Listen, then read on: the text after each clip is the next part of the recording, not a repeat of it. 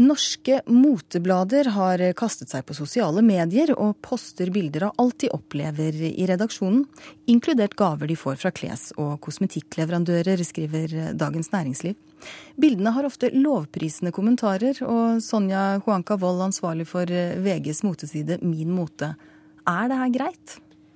Jeg syns jo en bør være litt forsiktig med hva en deler i sosiale medier. I hvert fall ha et bevisst forhold til til um, hvilke signaler en sender ut, og ha de samme retningslinjene der for ansatte som en har i magasinet når det kommer til produktanbefaling eh, og det å ta imot gaver. Altså, vi har prøvd å få kontakt med sjefredaktørene og moteredaktørene i disse største motemagasinene i Norge, men vi har ikke fått noen til å stille, så det er derfor eh, du er her. Men eh, du sier altså at det ikke er så greit dette her. Hvorfor er det ikke bra å poste bilder av redaksjonelle gaver på sosiale medier som Facebook? Instagram? For det første så er det vel i utgangspunktet eh, problematisk å ta imot alle disse gavene.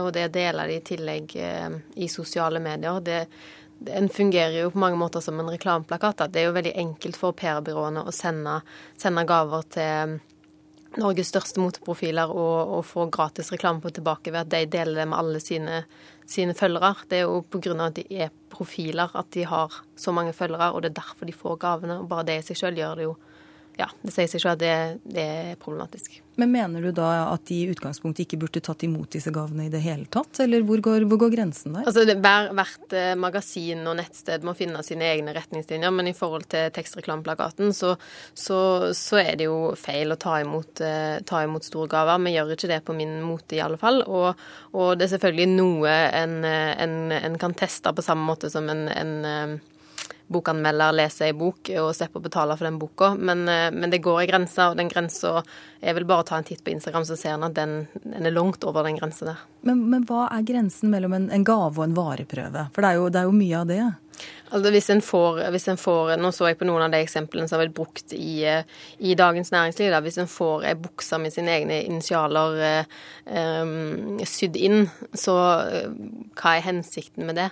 Det er jo kun for at det merket skal få profilert eh, eh, en ny jeans. Det er jo ikke fordi at journalistene skal teste den buksa.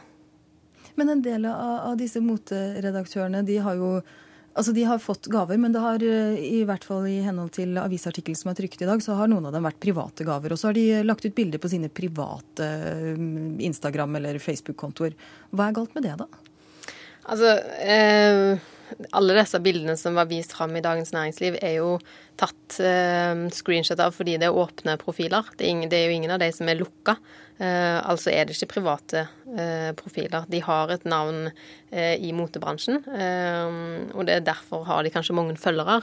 Og da bør en være bevisst på, at, eh, på hva en legger ut. Men hva, allikevel, de er jo privatpersoner disse her også. Hvorfor kan de ikke ha lov til å gjøre det på sine kontoer, tenker du? De har lov. Jeg, jeg mener at de, de, kan legge ut hva de vil på sine kontoer, men da er det kanskje lurt å lukke de og ha private kontoer som er for seg og sine venner, og, og ikke en del av uh, den rollen en har som journalist. For som, som journalist, og spesielt som motejournalist, så, så, så, er en synlig, og en har følgere på grunn av det. Men hva skal til da for at eh, redaktører skal ta avstand fra slike gaver, eller reklame, om man kan kalle det det da? Nei, jeg, tenker, jeg mener jo at, at at eh, redaktørene bør De må jo bestemme sjøl hvilke retningslinjer magasinene de jobber i skal ha, og, og hvilke retningslinjer som skal gjelde på sosiale medier for uh, sine ansatte.